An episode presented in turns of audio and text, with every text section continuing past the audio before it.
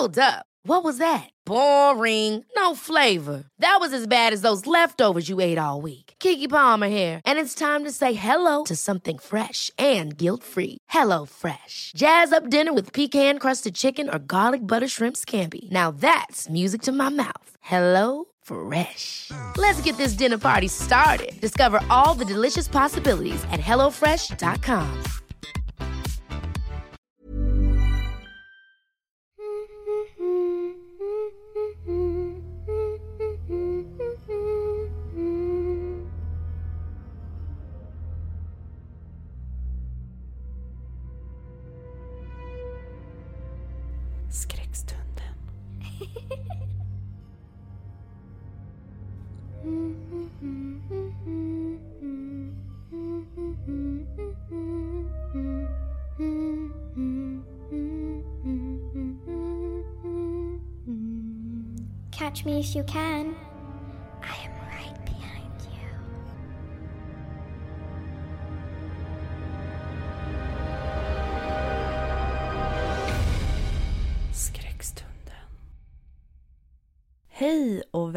välkommen tillbaka till Skräckstunden och andra adventsspecialen. I veckans avsnitt ska du få höra en berättelse som du tidigare har hört här hos mig. Men den här gången så får ni höra den i en annan skepnad. Ni ska få höra berättelsen Under sängen som är skriven av författaren Florence Wetzel. Och precis som förra veckan så är det ju nu de här novellerna som är i kommande ljudbok som ni ska få höra. När ni tidigare hörde den här novellen Under sängen hos mig så hade jag dels andra röster med mig men också så gjorde jag ju den lite som en radioteater. Den här gången blir det inte så, utan den här gången får ni höra den här helt i en ljudboksmodell. Jag hoppas att du har haft en fin vecka och att du firar andra advent på bästa sätt. Nu sätter vi igång med Under sängen av Florence Wetzel inspelad till kommande ljudbok. Hoppas du tycker om det.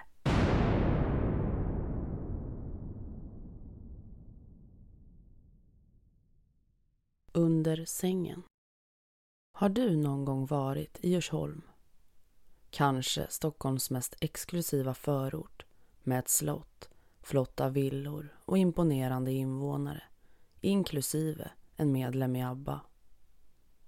Vid 30 års ålder bodde jag fortfarande i fel del av Sollentuna. Samma plats där jag vuxit upp. Jag var nöjd där, för det mesta. Men första gången jag besökte min författarkollega Maria i Djursholm blev jag blixtförälskad i platsen. Jag bestämde mig för att hitta en lägenhet där och jag lovade mig själv att jag skulle äga ett hus där en vacker dag.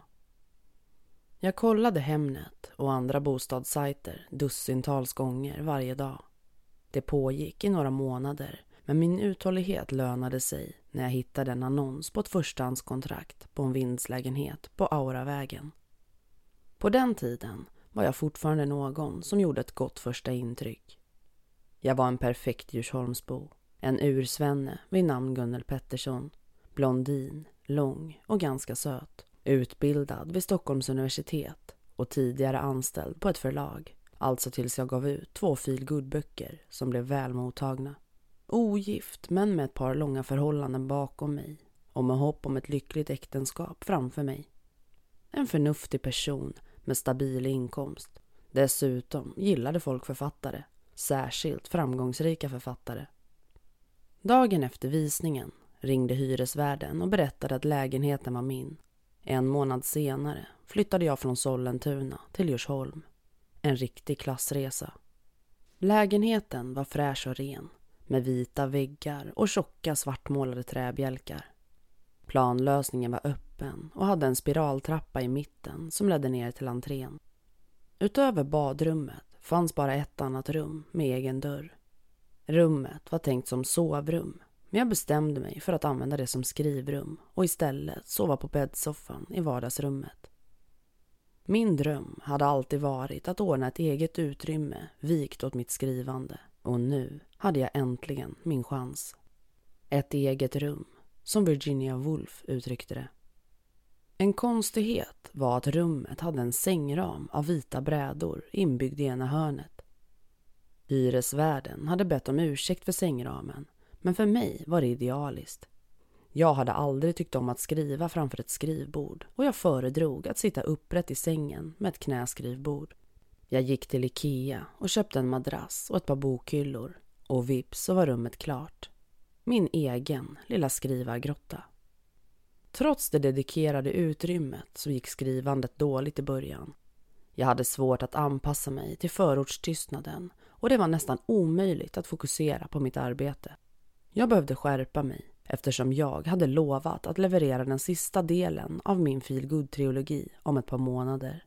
Deadlinen kom närmare för varje dag som gick och första utkastet var inte ens klart. Allt förändrades efter att min skrivargrupp kom på besök. Vi var fyra feelgood-författare, tre kvinnor och en man och vi träffades en gång i månaden hemma hos varandra. Det var min tur att vara värd och det gladde mig när de andra beundrade den nya lägenheten, särskilt skrivrummet. När jag visade dem den övervuxna bakgården la Maria märke till en eldstad. Där och då bestämde vi oss för att tända en eld och sitta utomhus i någon timme. Vi samlades runt lägerelden som ett gäng scouter. Eller ja, scouter med varsitt glas rödvin. Efter en timma gick vi tillbaka in för att läsa högt ur våra skrivprojekt. Det var en riktigt mysig kväll. Efter gruppens besök blev skrivrummet ett underbart ställe att jobba på. Det fanns en ny energi i luften och jag hade plötsligt ett fantastiskt flyt. Jag skrev till och med en novell till en antologi, vilket var något jag tackat ja till för ett par månader sedan.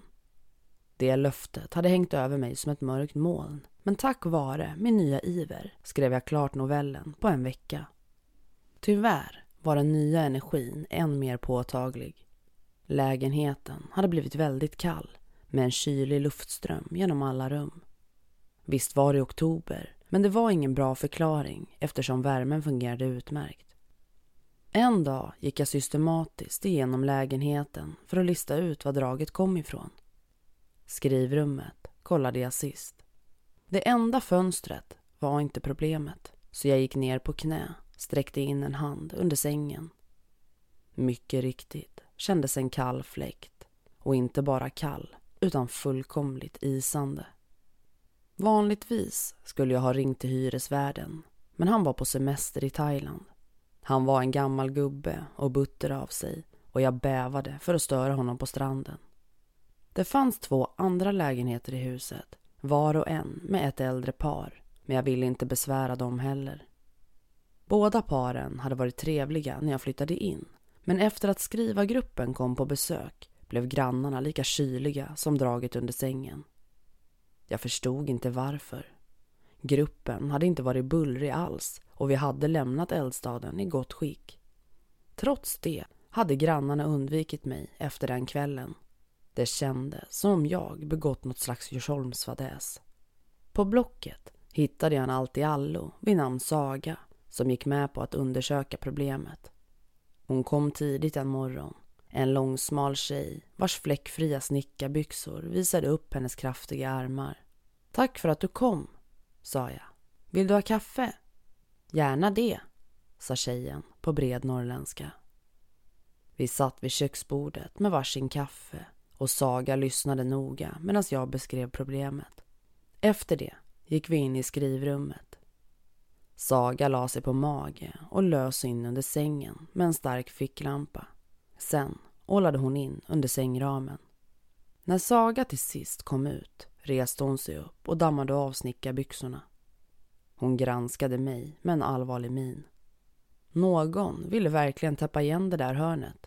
Minst 500 spikar har slagits in i sängramen för att fästa den i väggarna. Va? Draget kommer från spikarna.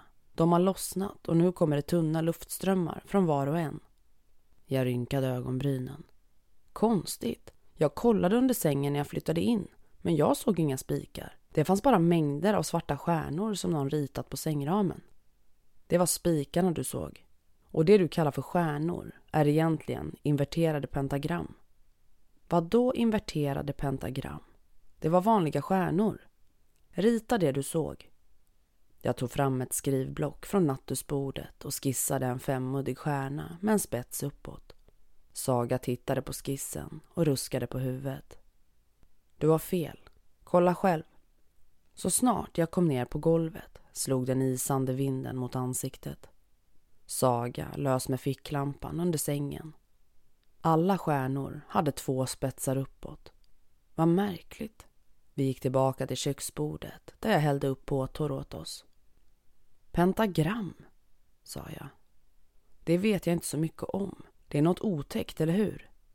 Mer än otäckt, tyvärr. Pentagram är en symbol för ondska.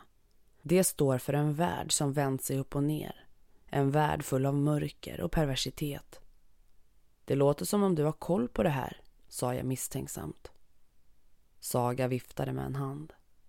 När jag var yngre hade jag en grupp vänner som gillade att syssla med sånt. Yngre? När du var tonåring alltså? För en månad sen fyllde jag 40. Jag blev förundrad.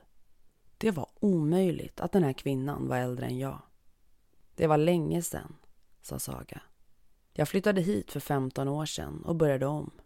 Poängen är att jag faktiskt har erfarenhet av det här och jag kan berätta för dig att det som händer i skrivrummet inte är bra. Jag suckade. Det kommer att bli dyrt att ta bort sängramen. Hyresvärden lär inte bli glad. Saga skakade på huvudet. Jag pratar inte om pengar. Vill du ha ett gott råd? Visst. Flytta härifrån. Så snart som möjligt. Jag skrattade till av förvåning. Aldrig. Jag har bara bott här ett par månader och har du någon aning om hur svårt det är att hitta en lägenhet i Djursholm som man har råd med? Ju längre du bor här, desto mer kommer energin från under sängen att påverka dig. Du ser ut som en snäll tjej och om du vill förbli det måste du lämna det här stället. Det låter som skrock. Jag vet inte hur folk tänker där uppe i Norrland, men vi är i Stockholm nu. Djursholm till och med. Saga snörpte på munnen. Skyll dig själv, men tänk på saken åtminstone. Och draget? frågade jag. Blockerade med kuddar. Jag fnös. Kuddar? Vad är det för lösning? Det är bara tillfälligt. Om jag har rätt kommer draget att bli starkare och starkare. Tack för att du kom, sa jag stelt. Skicka fakturan till mig så betalar hyresvärden dig när han är tillbaka från Thailand. Saga reste sig upp. Oroa dig inte över pengarna. Den bästa betalningen vore om du lämnade den här lägenheten, vilket jag verkligen hoppas att du gör snart. Ha det bra, sa jag bara. Den eftermiddagen åkte jag till Ikea och köpte ett flertal kuddar. Jag ville inte krypa in under sängen och se de läskiga inverterade pentagrammen så jag placerade bara kuddarna under sängramen. När jag kände på dem någon timme senare var de iskalla. Draget minskade, lite i alla fall. Om jag hade min gamla islandströja på mig kunde jag uthärda kylan och jobba i rummet. Hyresvärden skulle vara tillbaka om ett par veckor och jag kunde ta upp problemet med honom då. När det gällde Sagas varning bestämde jag mig för att glömma det hela. Hon var en egendomlig tjej med för mycket fantasi. Jag hade en bok att skriva, en deadline att hålla. Det fanns ingen tid över för struntprat om ond energi och pentagram. Som sagt hade jag skrivit färdigt en novell till en antologi. Jag såg fram emot att få förläggarens återkoppling för att inte tala om att få betalt. Men när svaret äntligen kom blev jag helt förstummad. Hej Gunnel! Tack för novellen. Den är välskriven och det är tydligt att du har jobbat stenhårt på den. Fast jag tror att det har skett ett missförstånd. I mitt första mejl till dig var instruktionerna tydliga. En feelgood-novell på mellan 5 och 7 tusen ord. Istället för det har du skickat en skräckhistoria. Om du har bifogat fel novell av misstag finns det gott om tid att skicka den riktiga. Ett annat alternativ är att arbeta om den här novellen till en fil Det skulle vara lätt att göra det är bara att klippa bort de tre sista sidorna. Men om det här verkligen är ditt bidrag behöver vi tacka nej. Vi har faktiskt en skräckantologi på gång, men din novell skulle inte funka där heller. Främst för att slutet är otillfredsställande. Det går ju bra att lämna ett öppet slut där läsaren kan använda sin fantasi, men att avsluta en historia med att någon kryper in under sängen är för abrupt. Jag vill också tillägga att något ondskefullt under sängen är ett ganska uttjatat tema. Jag är ledsen om det här låter barskt, men om du tänker byta genre till skräck kan det vara bra att få återkoppling. Vi alla på förlaget älskar dina texter. Nästan alla har läst de två första delarna av din trilogi och vi ser fram emot den tredje boken. Även om det är ett annat förlag som ger ut den. Vi hoppas verkligen att vi kan jobba tillsammans i framtiden. Vänliga hälsningar, Karin. Jag läste om mejlet en gång till. Det var inte klokt. Hur sjutton kunde Karin tycka att en novell om ett par som träffas i en tvättstuga var skräck? Det mesta av berättelsen utspelade sig i själva tvättstugan och det slutade med att paret tog hissen tillsammans och insåg att de bodde vägg i vägg.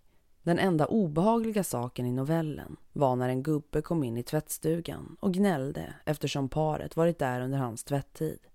Det vill säga, inte läskigt alls. Karins återkoppling var särskilt märklig eftersom jag inte tyckte om skräck. Jag läste inte den typen av texter och jag skrev dem inte heller. Det var precis därför jag skrev Feelgood, för att undvika det obehagliga. När jag hittade mejlet som jag skickat till Karin var det bara ett dokument bifogat. Rent och fräscht, Gunnel Pettersson.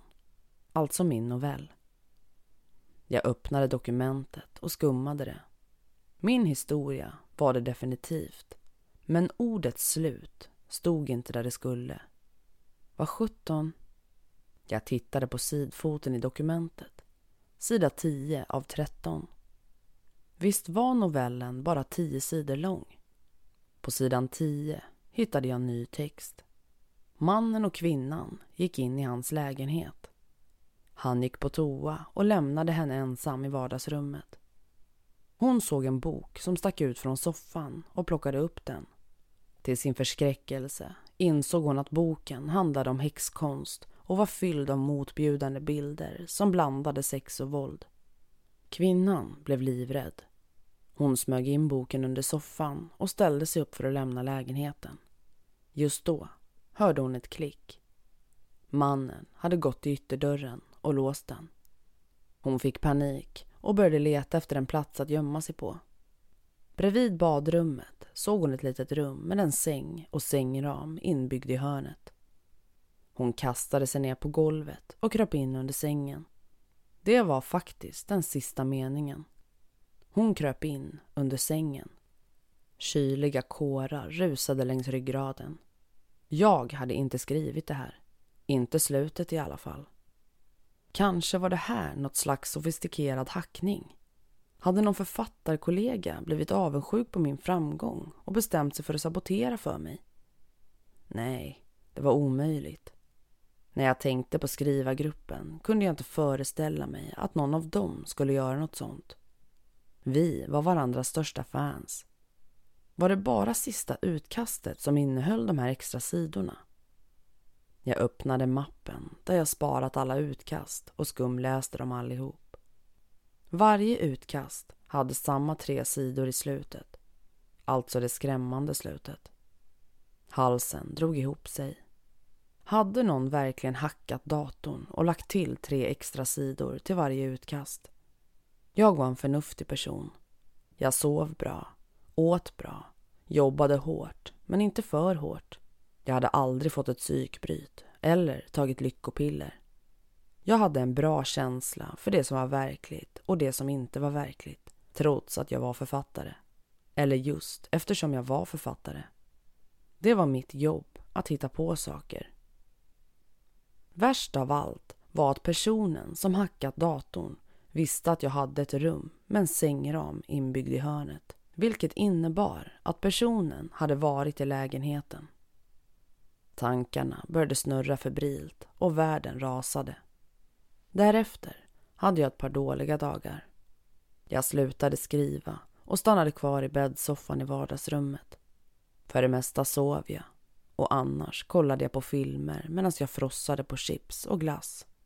Mobilen och mejlen struntade jag i totalt.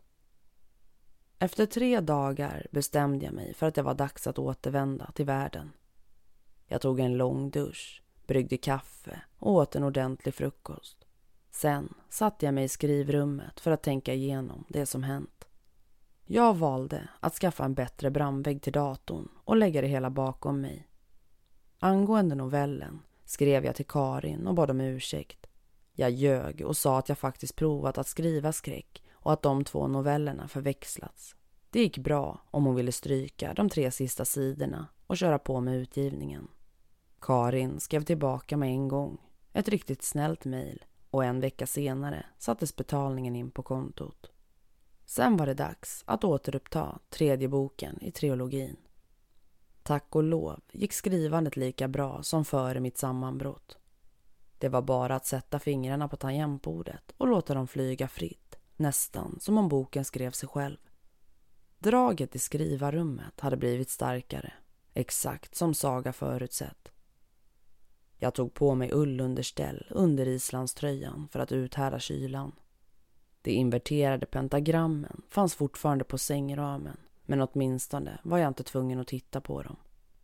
Innan jag visste ordet av var det dags för skrivargruppen att träffas igen.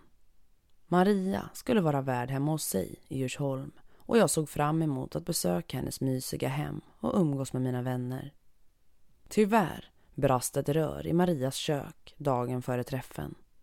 Hon frågade om jag kunde tänka mig att vara värd igen eftersom alla redan var inställda på att åka till Djursholm. Det var olägligt med tanke på hur bräcklig jag kände mig men jag gick med på det ändå. Precis som sist ville alla sitta ute vid eldstaden och även denna gång fixade vi en rejäl brasa. Det var mysigt att sitta runt elden insvepta i filtar medan vi drack vin. Obehaget med novellen var äntligen bakom mig. En sak var störande. När jag kastade en blick på huset såg jag att grannarna sneglade på oss från bakom gardinerna. Deras ogillande kändes till och med på avstånd. Tyckte de inte om att se folk ha kul? Jag lovade mig själv att jag inte skulle bli lika småaktig när jag blev gammal. Efter en timme vid eldstaden var det dags för kvällens andra aktivitet. Maria släckte elden ordentligt och vi gick in i lägenheten. Var och en av oss hade röda kinder från elden och vinet och stämningen var på topp. De andra hade lämnat sina grejer i skrivarrummet så vi hämtade våra datorer och satte oss i vardagsrummet. Vi öppnade en flaska vin till och jag ställde fram lite smått och gott från Djursholms delikatesser. Nu var det dags att läsa och lyssna. Som vanligt var det Maria som började. Hon var den mest framgångsrika författaren i gruppen och hade alltid varit vår ledare. Min bok går sådär för tillfället, erkände hon. Jag håller på med en scen där hjältinnan hälsar på hos sin pojkväns syster. Systern är hur rik som helst och eftersom hjältinnan är arbetarklass är hon väldigt nervös. Scenen funkar ganska bra men det känns som att något fattas. Jag vill gärna få återkoppling från er. Maria började läsa högt. Hon var en duktig författare och det var ett rent nöje att lyssna till hennes prosa. Efter några minuter avbröt hon sig plötsligt. Vänta, sa hon med rynkad panna. Något är fel. Någon har gått in i dokumentet och lagt till mer text. Jag fick en dålig känsla i magen. Vad menar du? Mer text? frågade jag. Maria läste tyst ett tag. Sen skakade hon på huvudet. Jag kan inte läsa det här högt. Det är för äckligt. Inte nu igen, tänkte jag. Vad är det som står i det nya stycket? frågade jag med darrig röst. En kvinna är i en mans lägenhet.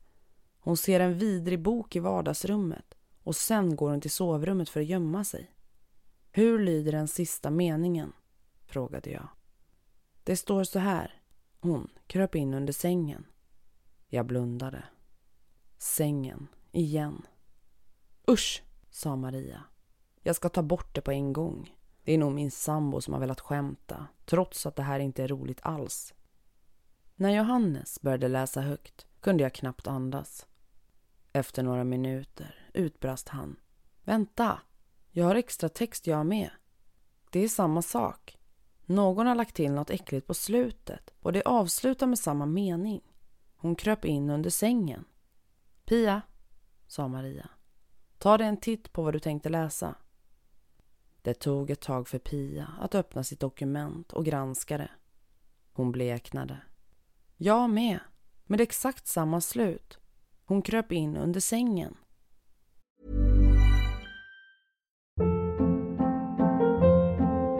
Hold up. What was that? Boring. No flavor. That was as bad as those leftovers you ate all week. Kiki Palmer here, and it's time to say hello to something fresh and guilt-free. Hello Fresh. Jazz up dinner with pecan-crusted chicken or garlic butter shrimp scampi. Now that's music to my mouth. Hello Fresh. Let's get this dinner party started. Discover all the delicious possibilities at hellofresh.com.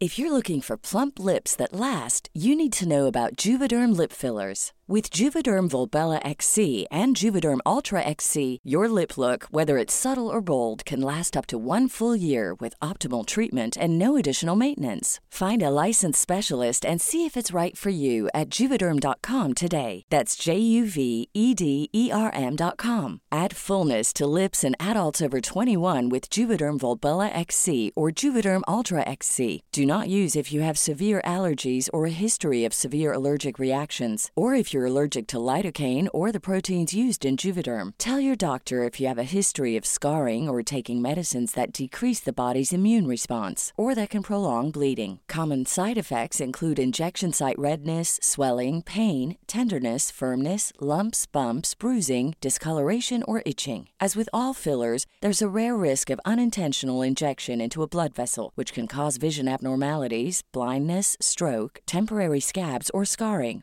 For full important safety information, visit juvederm.com.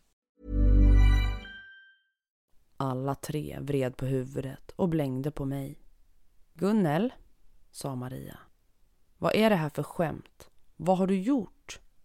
Jag ruskade på huvudet. Det var inte jag. Maria tittade på de andra. Minns ni när vi satt runt elden och Gunnel gick in för att hämta filtar? Det var väl då hon gjorde det här? Nej, protesterade jag. Marias ögon smalnade.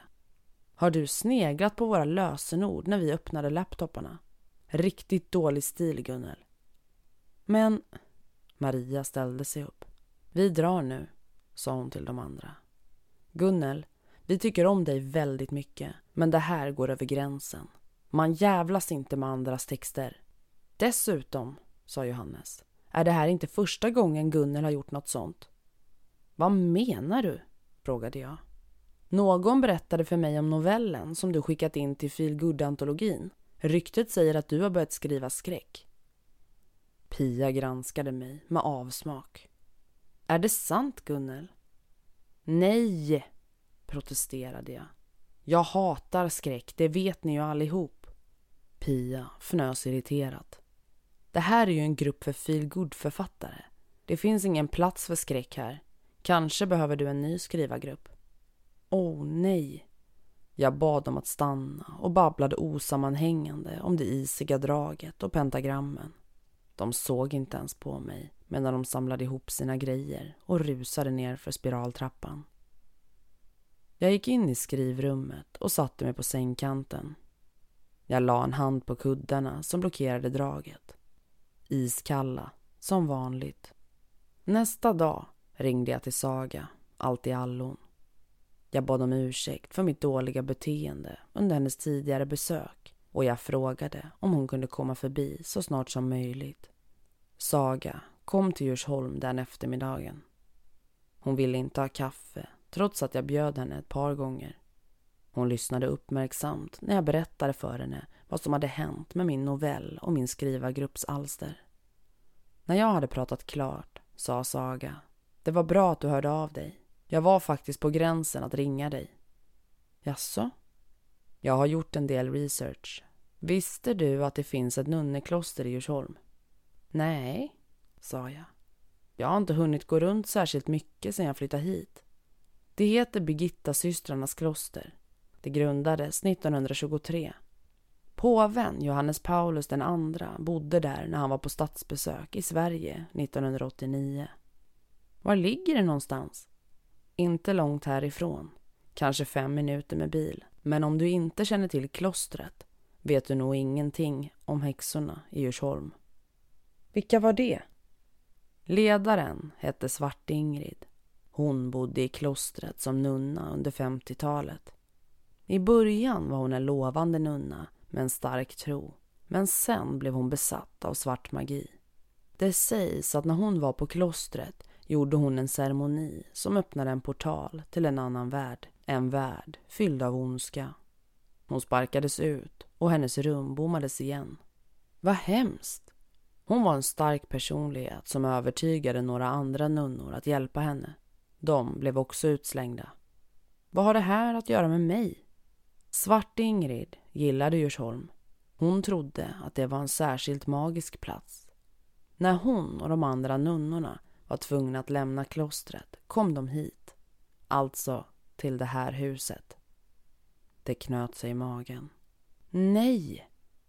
De flyttade in här uppe på vinden när den fortfarande var en riktig vind.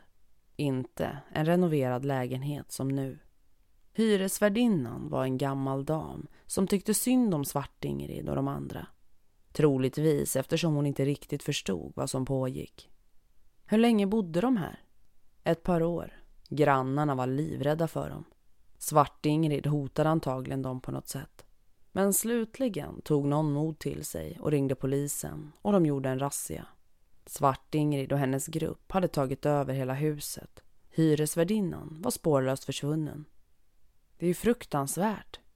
Gruppen vräktes, men de åtalades inte. De hade inte gjort något olagligt och det var omöjligt att bevisa att de hade skadat hyresvärdinnan. Vad hände då? Kvinnorna lämnade Djursholm och gick under jorden. Vissa tror att de åkte till Norrland där de bytte namn och började om. Det är till och med möjligt att några fortfarande lever men de skulle förmodligen vara urgamla nu. Och Svart-Ingrid? Saga skakade på huvudet. Hon försvann just före razzian. När polisen frågade de andra kvinnorna om Svart-Ingrid skrattade de och sa att hon var någonstans där ingen kunde hitta henne. Aldrig någonsin. Vad märkligt. Innan kvinnorna lämnade huset brände de alla Svart-Ingrids anteckningsböcker. De ville inte att någon skulle läsa dem och få reda på alla deras hemligheter. Svart-Ingrid höll uppenbarligen på att skriva någon slags bruksanvisning om häxkonst. Eldplatsen, sa jag. Vadå eldplatsen? På bakgården. Saga reste sig. Visa mig, nu! Vi tog på oss jackorna och gick ut i den kalla novemberdagen. Saga petade på eldplatsen med stövlarna och sen gick hon ner på knä och studerade askan noggrant. När hon till sist tittade upp var ansiktet likblekt. Det här är också format som ett pentagram, sa hon. Har du tänt eld här sedan du flyttade in? Två gånger. Med skrivargruppen? Saga ställde sig upp. Det finns nog örter och magiska ämnen i jorden från häxornas ceremonier. När du och din grupp tände elden första gången så öppnade ni portalen. Det var då ni väckte Svart Ingrid. Munnen blev snustorr. Vad menar du? frågade jag. Jag tvivlar på att Svart-Ingrid någonsin lämnade den här platsen. Kanske ändrade hon form och försvann in i portalen. Kanske har hon väntat på det rätta tillfället att komma ut. Men eldplatsen ligger ju långt borta från huset, sa jag desperat. Det finns säkert någon koppling mellan de två ställena. Herregud. Sängramen har hållit henne borta men när ni tände lägerelden fick hon tillräckligt med styrka för att bryta igenom ramen. Det var då stjärnorna vred sig runt och blev pentagram. Den som byggde sängramen hade koll på det här, sa jag långsamt. Saga nickade. Avsikten var att stänga portalen och hålla Svartingrid borta. Spikarna formades som stjärnor, som en godhetssymbol för att vakta lägenheten. Grannarna är väldigt gamla jag kan fråga dem om de minns något. Saga pekade på huset. Menar du dem? Jag tittade bakom mig. Mycket riktigt stod grannarna vid gardinerna och sneglade på oss. Borde vi prata med dem? frågade jag. Gör inte det, sa Saga. De är livrädda, jag kan känna det. Och de har all anledning att vara det. Vi gick tillbaka in i huset och upp till lägenheten. Jag fixade kaffe åt oss och vi satte oss vid köksbordet med ett fat kanelbullar. Vi behövde fika, trots att det inte skulle bli särskilt trevligt. Saga, vad är det som händer med skrivandet? alltså min novell och skrivargruppens manus. Svart-Ingrid gillar ju att skriva. Jag kan tänka mig att det är hennes sätt att kommunicera med dig. Saga gjorde en paus. Hur har det gått med skrivandet på sistone? frågade hon. Väldigt bra. Det gick dåligt i början när jag flyttade in men efter... Jag tystnade. Saga betraktade mig och sa Efter att du tände elden med gruppen så gick skrivandet bättre. Jag nickade eländigt. Svart-Ingrid hjälper dig, Gunnel. Men hon vill ha något i gengäld. Vad då? Är det inte uppenbart? Hon vill att någon kryper in under sängen, alltså in i portalen. Men varför då? Min gissning är att hon behöver människoblod. Där gick gränsen. Jag begravde ansiktet i händerna och började gråta. Du har rätt, sa jag genom tårarna. Jag måste flytta. Vad synd. Det var min stora dröm att bo här i Djursholm. Saga suckade. Jag håller med om att du måste flytta härifrån. Men om vi inte gör något åt det här kommer nästa hyresgäst att få samma problem. Är det ens möjligt att fixa det här? Det finns en ceremoni som kan stänga portalen. Kan du göra den? Det kan jag, men jag vill helst inte. Som sagt la jag allt det där bakom mig när jag lämnade Norrland. Jag betalar dig svart så mycket du vill. Saga stirrade på kaffekoppen en stund. Jag är i desperat behov av nya verktyg. Annars skulle jag inte ens överväga att göra det här. Dessutom tycker jag synd om dig. Du har verkligen hamnat i träsket. Hon nämnde ett pris. Det var högt, men jag brydde mig inte. Jag ville fixa det här och gå vidare med livet. När kan vi göra det? frågade jag. Jag behöver tid för att samla ihop ett par saker. Och ceremonin måste äga rum under fullmåne. När är nästa fullmåne? Om tio dagar. Då gör vi det. Det var inte lätt att vara i lägenheten under de tio dagarna. Bortsett från att skrivandet gick så jäkla bra. Varje dag när jag satt framför datorn skrev jag flera timmar i taget utan att bli utmattad. Även om det verkligen var Svart-Ingrid som hjälpte mig var skrivandet fortfarande ett bra sätt att hålla obehagliga tankar borta. Till sist kom ceremonikvällen. Prick klockan åtta hördes en lätt knackning och jag sprang ner för spiraltrappan för att öppna dörren. En kvinna stod där, men det tog en stund innan jag kände igen Saga. Istället för snickarbyxor hade hon på sig en lång svart klänning och en rund röd sammetshatt som såg medeltida ut. Ryggsäcken var ersatt av en svart sammetsväska täckt med gyllene stjärnor. Sagas lättsamma sätt var också borta. Hennes min var allvarlig och fokuserad och läpparna sammanpressade. För första gången såg hon ut som sin ålder. Vi gick in i köket. Saga la väskan på bordet och började packa upp mängder av underliga saker. Burkar med taggiga örter, flaskor med grumliga vätskor och en glänsande grön kristall. Jag måste stänga portalen i huset först, sa hon. Sen ska jag ut till eldplatsen och stänga den där ute. Behöver du hjälp?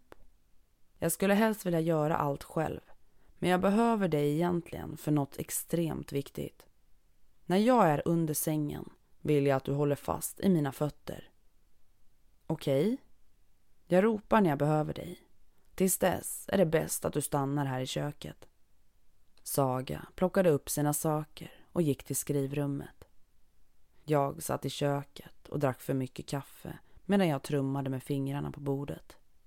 En bitter rök fyllde gradvis lägenheten. Saga började sjunga lågt och monotont. Långsamt i början, men sen snabbare och snabbare. Jag kunde inte språket, men det lät som latin. Ju längre Sagas ceremoni pågick, desto mer nervös blev jag. Dels för vad grannarna skulle tro och dels för att jag började ana att Saga var en komplett galning. Men sen tänkte jag på det som hänt novellen och skrivargruppens texter. Det här var ingen inbildning. Det var på riktigt. Gunnel, ropade Saga. Kom! Jag sprang in i rummet. Fullmånen sken genom fönstret och belös Saga bakifrån. I ena handen höll hon rykande örter, i den andra den gröna kristallen.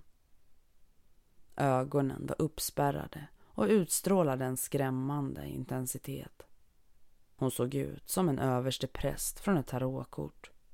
Det är dags, sa hon med mörk röst.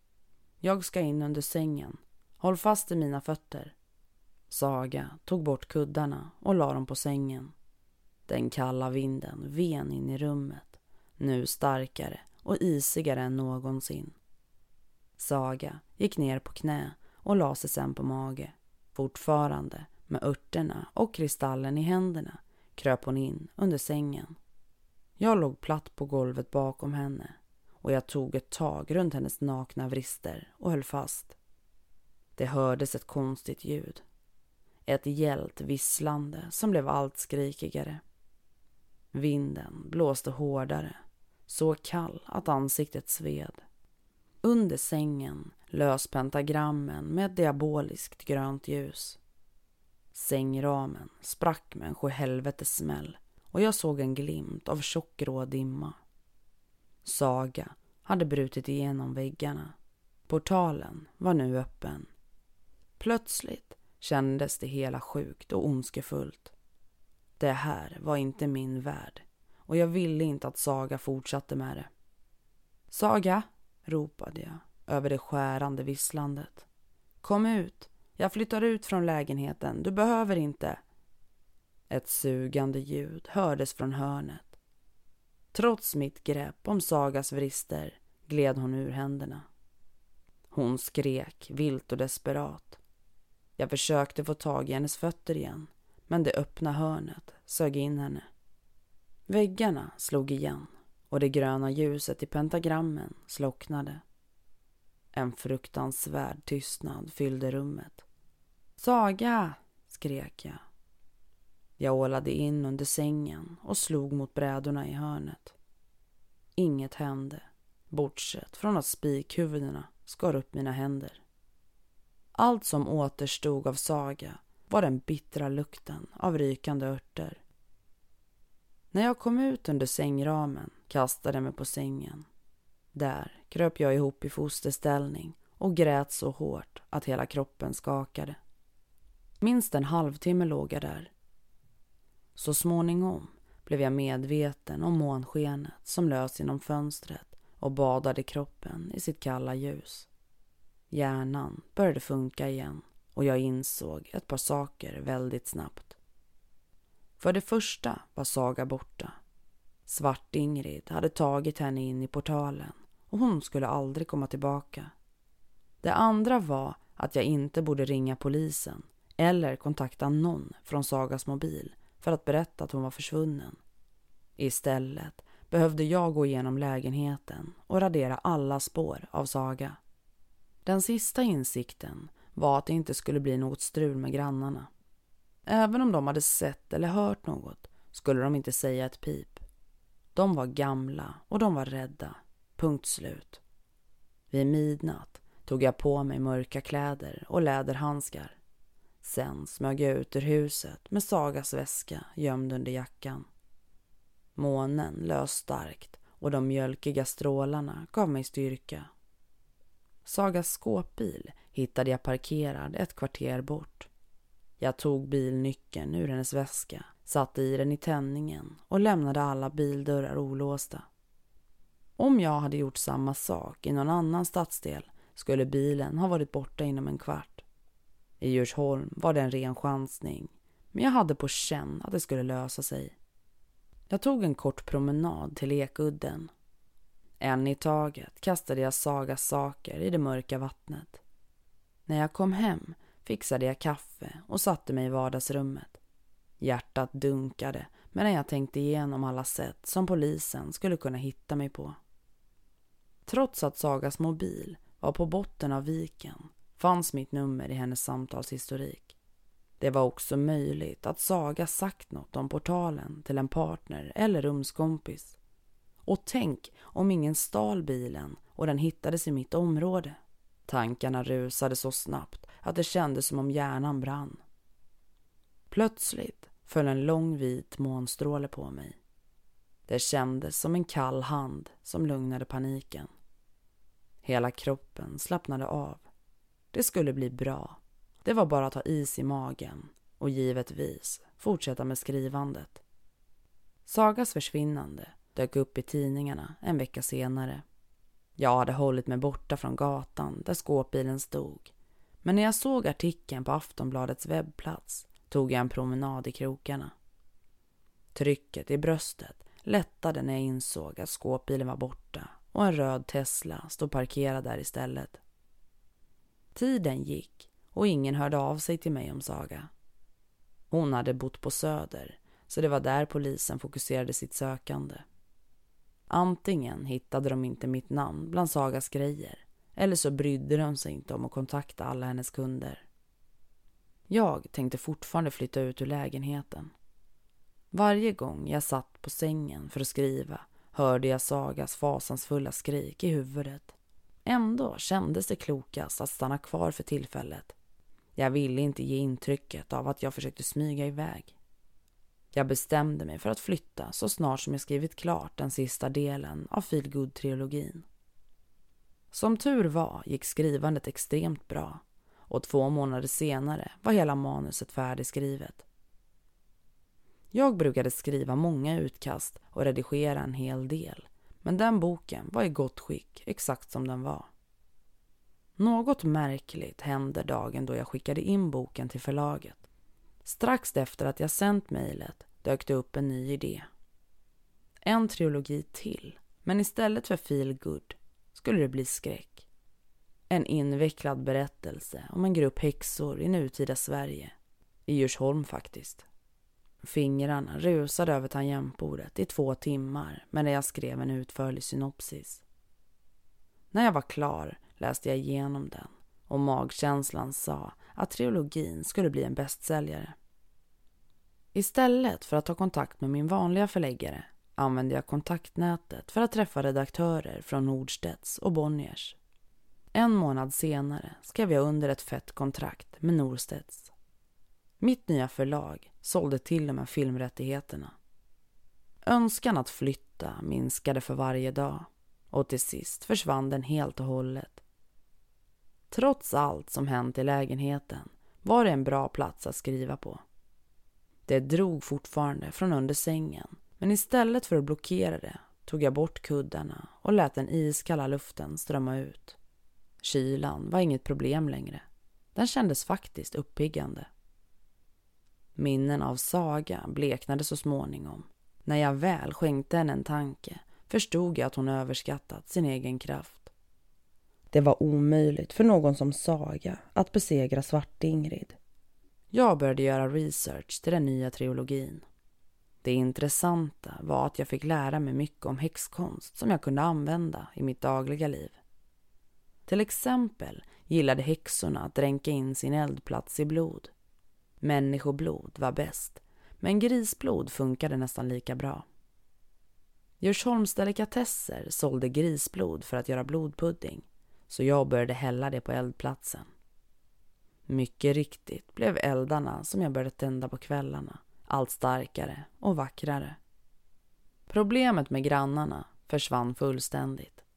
Först flyttade ett par ut och sen det andra.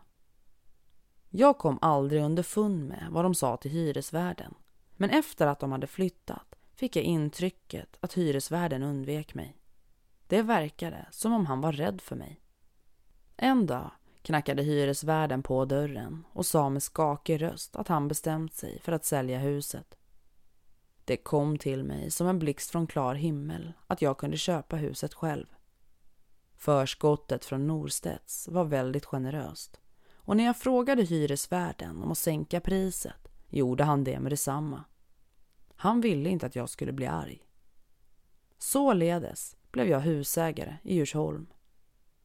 Äntligen gick min onåbara dröm i uppfyllelse. Livets vändningar var verkligen magiska. Kort därefter grundade jag en ny skrivargrupp. Bara skräckförfattare och bara kvinnor. Vi träffades alltid hos mig eftersom jag inte var intresserad av att gå någon annanstans. Som tur var älskade alla huset och särskilt eldplatsen.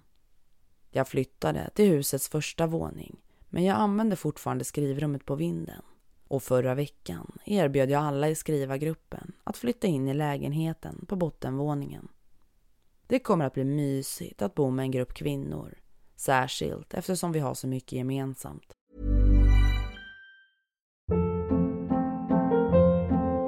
Hold up. What was that? Boring. No flavor. That was as bad as those leftovers you ate all week. Kiki Palmer here, and it's time to say hello to something fresh and guilt-free. Hello Fresh. Jazz up dinner with pecan-crusted chicken or garlic butter shrimp scampi. Now that's music to my mouth. Hello Fresh. Let's get this dinner party started. Discover all the delicious possibilities at hellofresh.com.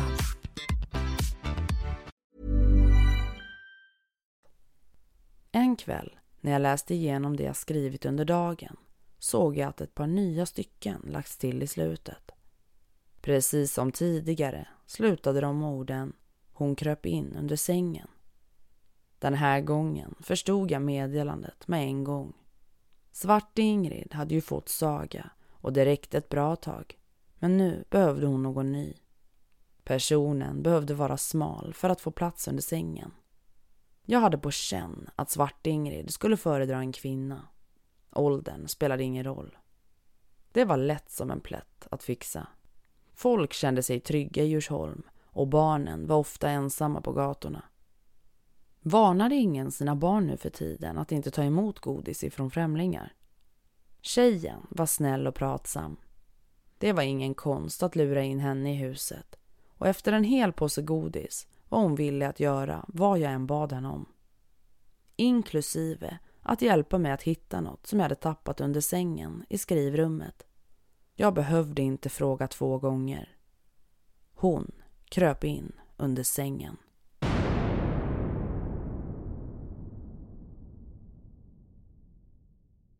Du har hört berättelsen Under sängen skriven av författarens Florence Wetzel och inspelad och producerad utav mig inför den kommande ljudboken Annikas förråd. I vanlig ordning så vill jag ju påminna dig om att gå in och följa mig på mina sociala medier, men också att kolla in min merge som jag ganska nyligen har släppt. Alla länkar till både mergen och mina sociala medier finns nere i avsnittsbeskrivningen under avsnittet. Vi hörs nästa vecka och då är det dags för tredje advent och en ny special. Ta hand om dig så hörs vi snart igen i dina lurar.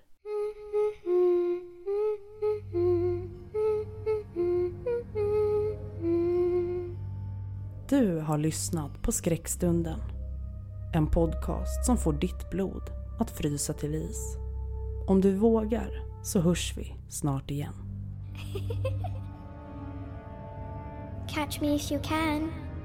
I am